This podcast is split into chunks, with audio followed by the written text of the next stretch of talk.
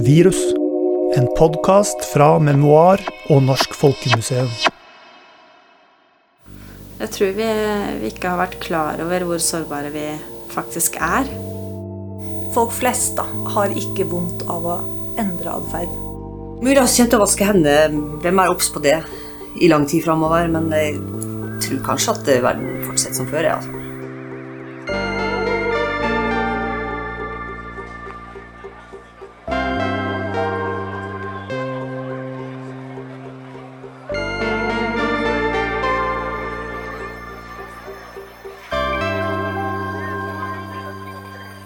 Hvor skal vi nå?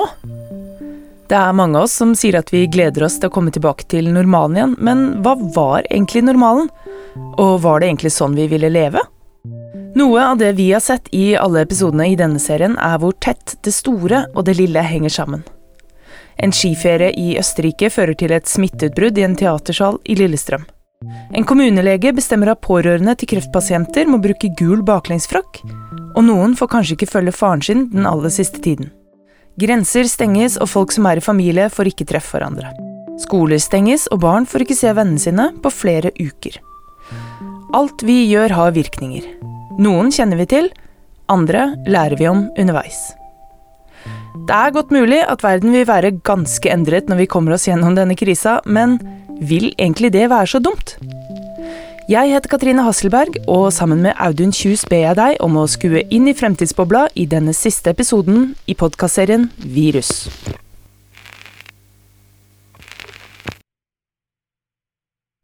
Nå har vi fulgt denne pandemien i et helt år, eller egentlig mer enn det, Audun. Og vi, sammen med alle de som har hjulpet til, har faktisk intervjua mer enn 170 mennesker over hele landet, og noen i utlandet.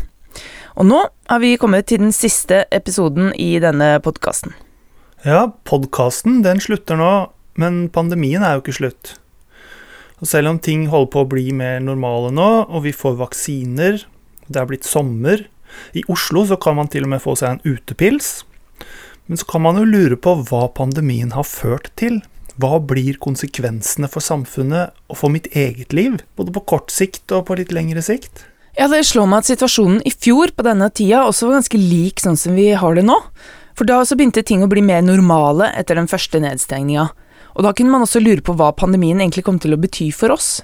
Ja, det spurte vi folk om da vi intervjuet dem for ett år sia, og det er faktisk ganske morsomt å høre tilbake på det nå. Jeg tror kanskje folk hadde litt mer overskudd til å sette pandemien i perspektiv og tenke litt stort rundt den da. For det som skjedde etterpå, det ble jo litt av en utholdenhetsprøve. Ja, det ble det absolutt. Og en av de som snakka litt om det, og som du har snakka med, var Birgit Schmidinger.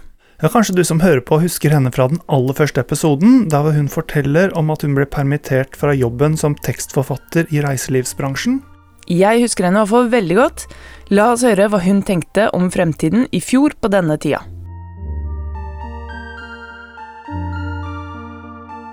Nå har jeg også opplevd det, og ser at det kan skje. Og da veit du så Det kan jo skje igjen.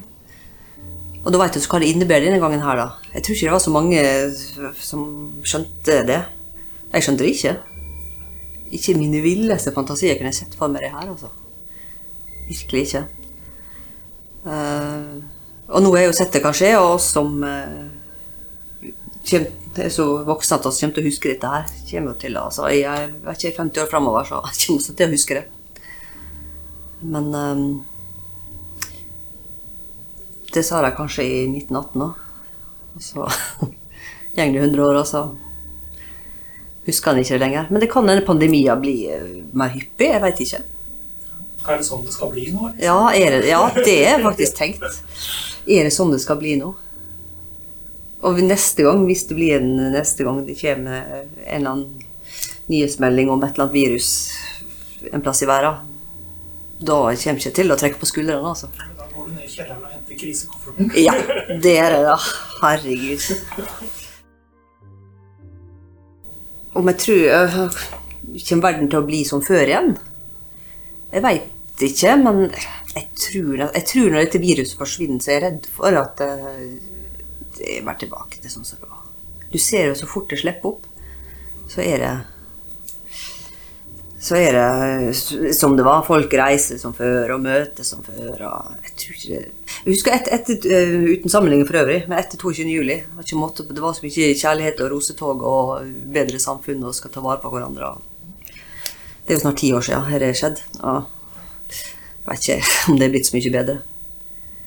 Så jeg tror Når vi Hvis Ja, når. Jeg må, jeg må være optimistisk og si når og ikke hvis viruset forsvinner tror jeg kanskje det kommer fort tilbake. Mulig jeg kommer til å vaske hendene, Hvem mer obs på det i lang tid framover. Men jeg tror kanskje at verden fortsetter som før. Altså.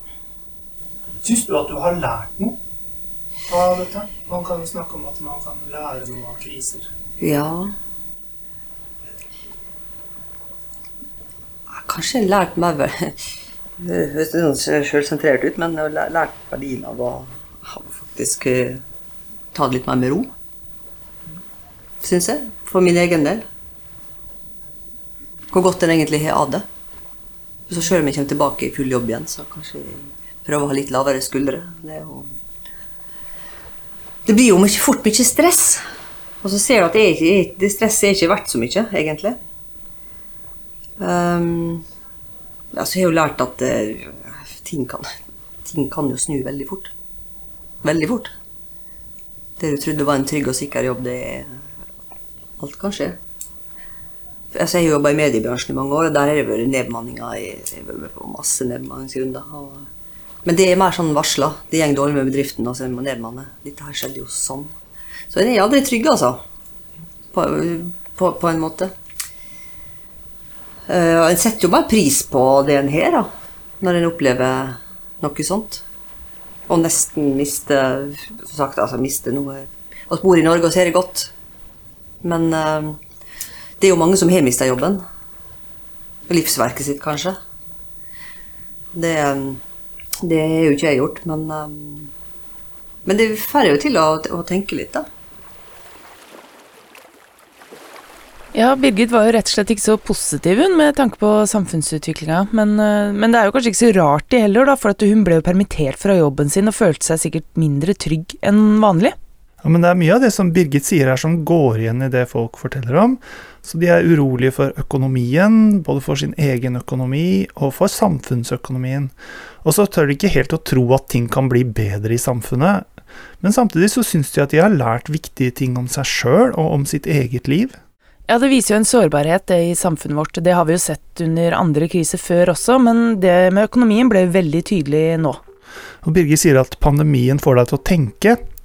Og det er nok mange som, eh, som har tenkt, altså. Eh, husker du Regine? Ja, det var hun som hjalp datteren med teateroppsetninga da de fikk eh, korona i salen.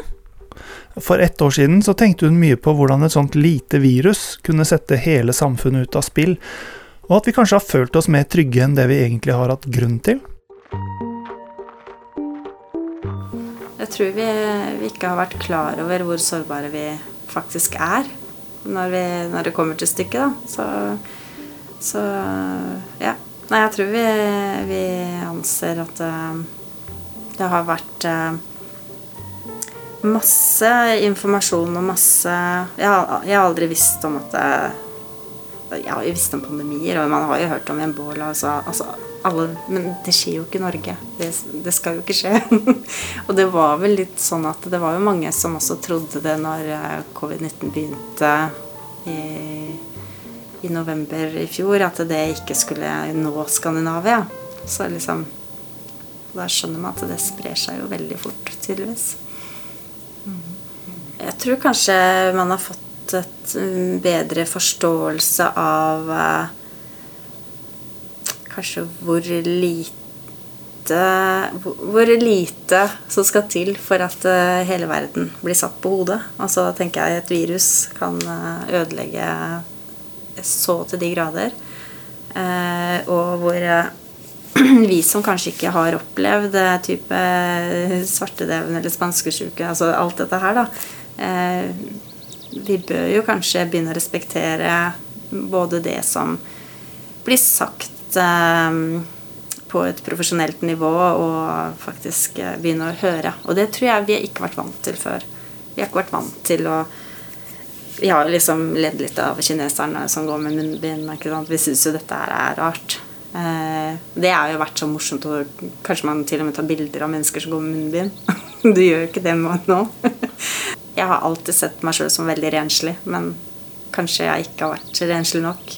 Ikke sant? Så, så eh, ja, det, det, er mye som kan trekkes ut av det på en positiv måte òg. Jeg tror bevisstgjøringa, at folk tenker kanskje seg mer om eh, på det og kanskje hvis du er møkkete, så går du og vasker deg på hendene. ikke sant? Eller altså, sånne ting, da. Jeg tror folk er automatisk blitt mer bevisste på det. Men eh, Så at det er blitt en liksom ny, ny standard? Ja, jeg tror det. Vi liksom har jo merka det ja, sånn som når vi var eh, Jeg var hos ei venninne, og det var klart at det, da hadde vi lagt ut liksom ett eller én skje til hver, da, til så vi kunne ta den oppi skåla. ikke? Så blanda vi ikke hvem som tok på det håndtaket der. Og det, og det er klart at hvis jeg skulle gått på en Kall det en tapasbuffé hos noen hjemme nå, så tror jeg kanskje jeg får litt noia hvis jeg må liksom ta på det bestikket som alle tar på. Bortover. Det har vi aldri tenkt på før. Men kanskje jeg får litt mer At det sitter litt mer i nå. Mm. Det er jo positivt at folk tenker seg bedre om og blir flinkere med hygiene. Dette med håndhilsing det er også noe som mange snakker om. Altså, Kommer vi til å fortsette med håndhilsing når pandemien er over? Ja, jeg fikk helt sjokk her for et par uker siden, fordi da skulle jeg hilse på en ny person, og er jo egentlig veldig vant til å enten ta hånda til hjertet eller hilse med albuen, men hun gikk rett inn og tok meg i hånda. Og da fikk jeg en sånn helt ny følelse. Jeg tror ikke jeg har tatt noen i hånda som jeg ikke kjenner, da, på, ja, på over et år. Og den der følelsen der at plutselig ha en annen person sin varme hånd i min hånd, det var Altså, det var så merkelig, og det føltes på en eller annen måte ganske intimt ut. På en sånn helt ny måte. Jeg har aldri følt det sånn før. ja, det er rart. Og så, Jeg husker aller første gangen i pandemien, da det var en som ikke ville håndhilse på meg. Det var liksom rett før uh, den der 12. mars og sånn. Og jeg strakte ut handa, og han, han ville ikke strekke ut han. Nei, nei, jeg, vi hilser ikke i hånda. Det er jo pandemi. Det, og det kjentes veldig rart, altså. Ja, jeg er veldig spent på egentlig hva som skjer med de ulike sånn, ja, de ritualene vi har da, med hilsing og sånt noe framover.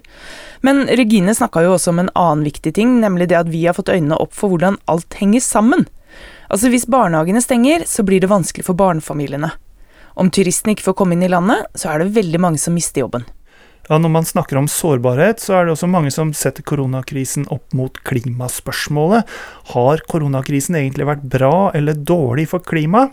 Har den kanskje lært oss noe om hvordan vi kan jobbe for å unngå en klimakrise? For det kan jo fort bli enda mye mer alvorlig enn det vi har opplevd under covid-19. Ja, det her er en gjenganger, og ikke bare hos uh, unge folk. Karoline, som er mor til to, hun er svært bekymra for hvordan vi lever og hva det gjør med miljøet i fremtida. Og hun er ganske rett fram når hun snakker om dette. Jeg syns at alle burde endre atferd, da.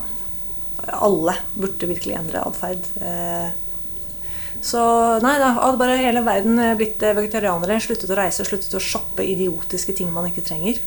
Yay. Det er lov å håpe. Jeg har ikke trua. Eh, eller jeg har liksom trua, men å, så mister jeg det litt trua innimellom.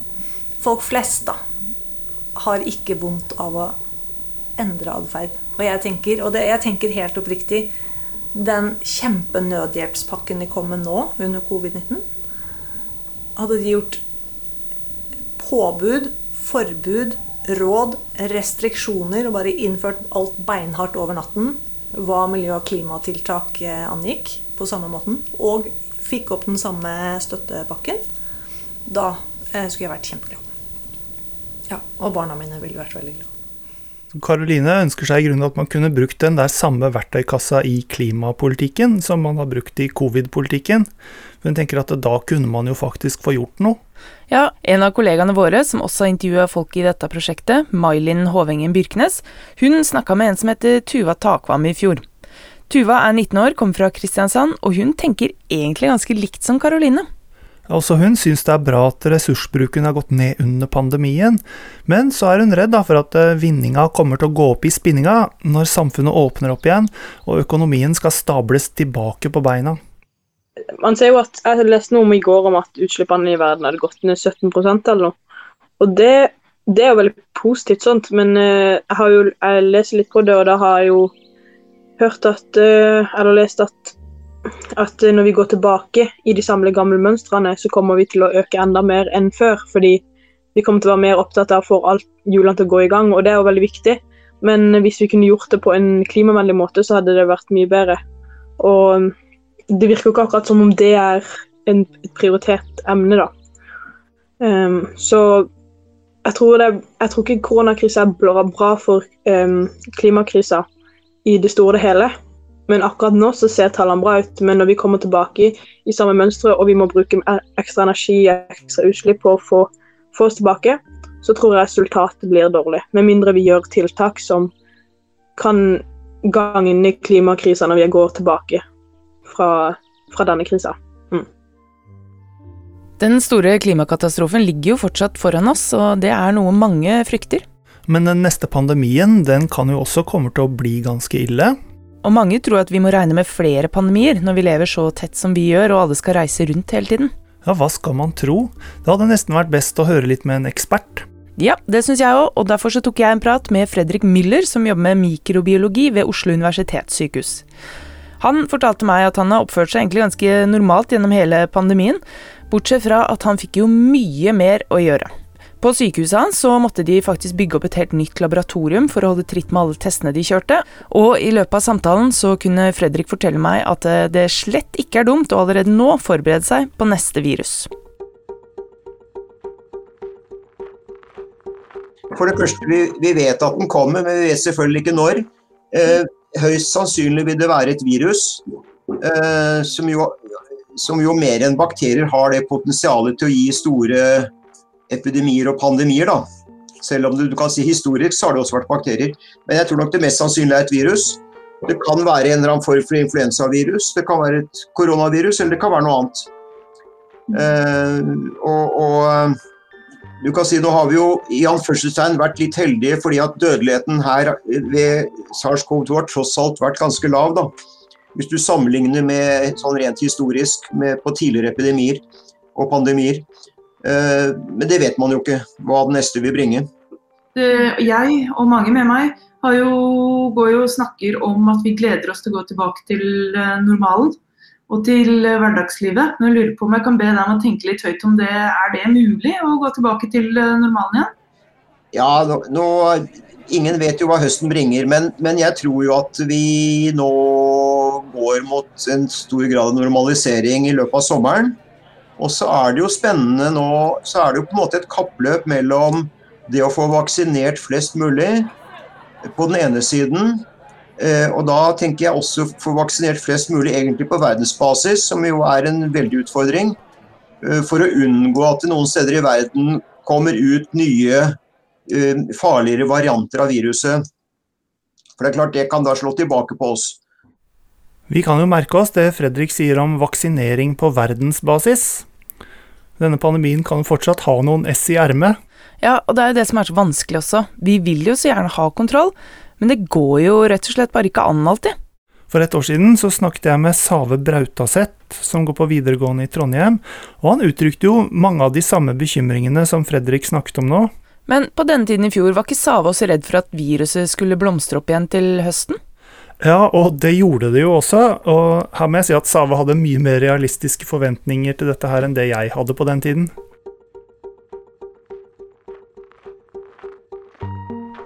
Det blir jo spennende i hvert fall å se hvordan det blir i da, faktisk om et år. Ja. Um, skulle si, vi har jo snakka om det verste mulige scenarioet, men uh, jeg tror det er veldig vanskelig å se seg hvordan det faktisk er om et år. Men uh, jeg tror i hvert fall at det Man kan si at, måte, at den situasjonen her vil være over om litt, men uh, sånn som jeg har diskutert litt med dem uh, rundt meg, så tror jeg at før man på en måte finner en vaksine, så vil det her være eh, en faktor eller et problem i hele verden fram til da. Um, så vil altså i Norge, hvis vi på en måte klarer å opprettholde det, det systemet vi har nå, så tror jeg vi klarer oss bra. Um, men vi ser nå at vi skal på en måte begynne å åpne grensene igjen snart. og uh, Man skal kunne reise til utlandet. Så jeg tror vi går inn i en veldig spennende tid nå fram til jul, da, da vi får vite så mye om hvordan det blir. Det, ja. ja. For vi vet jo heller ikke om dette er liksom den første i en serie med sånne ja, ja, ja. Det, er det sånn det skal bli nå, liksom. Ja, for de har, de har jo spådd at det her kan på en måte være en sånn um, forvarsel. da. Uh, så hvis du ser på i sammenheng med jordskjelv, så kommer det ofte sånn um, små jordskjelv før det største kommer. Og det, det, har de jo tenkt på at det her kan være, uh, som du sier, på en måte et litt sånn forvarsel i en serie som kommer senere. Det er jo en skummel tanke, men uh, det kan man på en måte ikke vite før, før senere.